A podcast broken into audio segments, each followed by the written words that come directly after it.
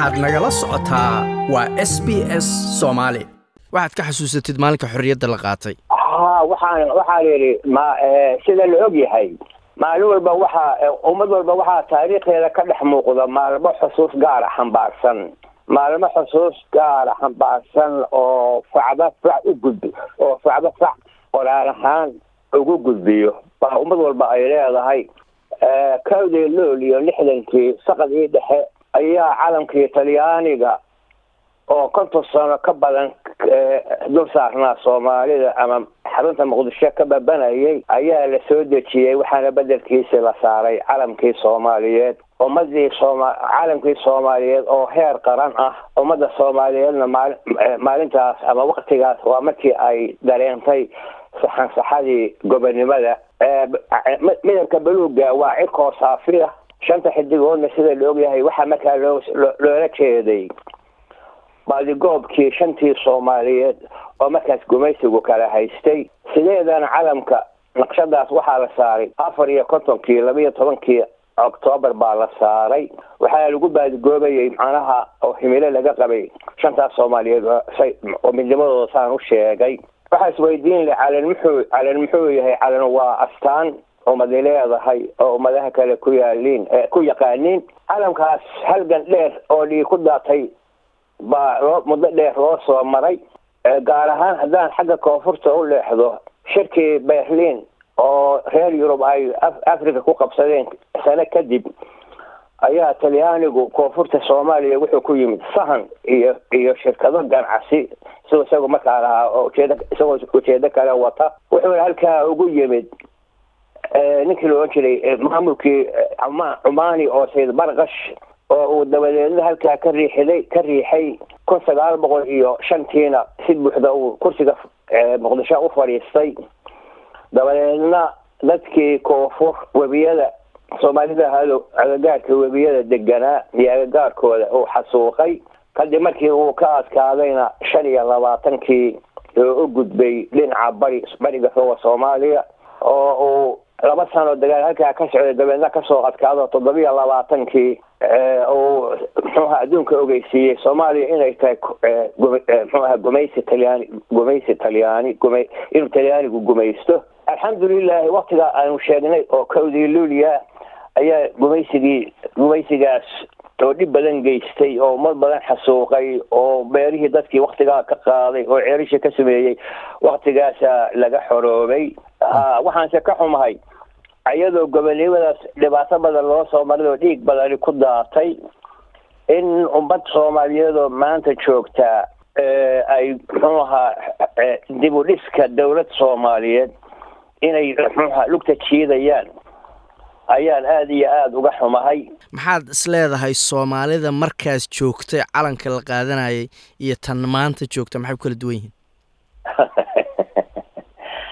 xasanow waxa weyn bay ku kala duwan yihiin. Ummaddu waxay ahayd ummad midaysan oo u diyaar u diyaarsan hanashada iyo difaaca ummadnimadooda. Waxaan rabaa inaan kuu sheego afartankiibaa ingiriisku koonfurta soomaaliya talyaanigii ka qabsaday toban sano kabacdi baa ingiriis ingiriisku haystay bishii february labadeedii ayaa talyaanigu koonfurta soomaaliya dib ugu soo laabtay iyadoo isagoo go'aan unit qaramada midoobay ku yimid markuu yimid leega markaa toddoba sano ayay jidhay carcar bayna muxuu ahayd waxayna ahayd xisbi aada u firfircoon oo kalsooni buuxda dad dadka soomaaliyeed ka haysta beegu marka markuu soo noqday markiiba wuxuu bilaabay cadaawad leegadii dadkii xubnihii leegada oo xirxiro dadkii shaqaalaha uu shaqadii ka saaro dibidaabi fara badan ayuu geystay axsaab dhowr dhowr xisbi oo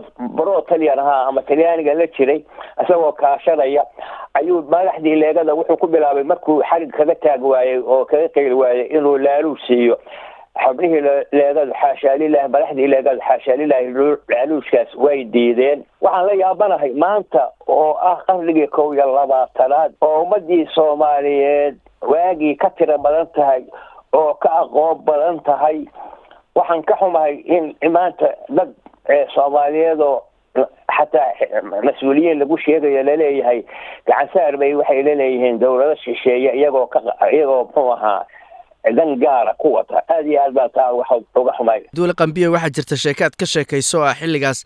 Calanka la saarayay in sheeke ay ku jirtay nin dhagax weyn watay oo yiri ilaa calanka talyaaniga la dhigo kan soomaalida la saaro.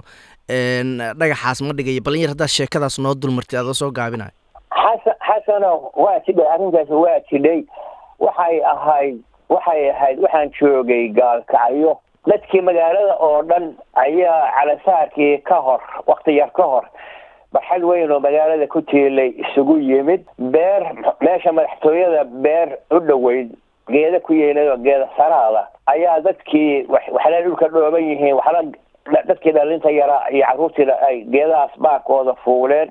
Madaxdii gobolka oo nin talyaanigu uu ka mid yahay ayaa meeshii muxuu ahaa meel muxuu ahaa stage ah oo calamkii ka mudan yahay agteeda soo soo fadhiistay dadweynihiina hortooda ayuu isi soo dhoobay. Arday anigu aan ka mid ahaana sidoo kale meesha soo safay nin dadkaa reer barigaa u dhashay laakiin gaalkacyo deganaayo makhaayad bursaliidka lagu dugo ku lahaa oo gaaban oo xoogan baa wuxuu soo qaatay dandaan ama dhagax aada iyo aada u weyn ayuu soo qaaday oo weliba uu la liclicayo oo loo jeedo inuu inay dhib ku tahay inuu sii xajiyo. Gaari baa meesha taagnaa kuwaan muxuu aha gaari oo leh muxuu ahaa? Gaari gaan muxuu ahaa? Wiish leh. Wiishka waxaa ka laalaaday rati gowracan. Ninkiibaa dad badan saa u eegeenoo markay ka yaabeen dhagaxa culayskiisa iyo iyo ninka culaabta saaran bay dhowr jeer waxay ku yidhaahdeen warga dhagaxu ku duliyey dhagaxu ku diliyey muxuu aha iska tuura iska rid. Wuxuu yihi ballan waxaan ku qaada jeer calamka talyaaniga la soo dejiyo dhulka la soo dhiga dhagaxa inaana dhulka dhigaynin. Labiyo tobankii bay isku taagtay saacaddu calamkii talyaaniga ayaa dhulka la soo dhigay. Kii soomaalida lagu bedelo lagu bedelo markii ugu horreysay gaalkacyo hawada galay. Ninkiina isagoo dhid habeennimada habeenkii xataa iyadoo habeen isagoo dhid ka daadanayo ayuu dhagaxii dhulka ku dhuftay meel walba mashxarad baa isqabsatay iyo dabaaldeg habeenkii ilaa ilaa xataa ilaa ilaa saacado dambe lama seexanin.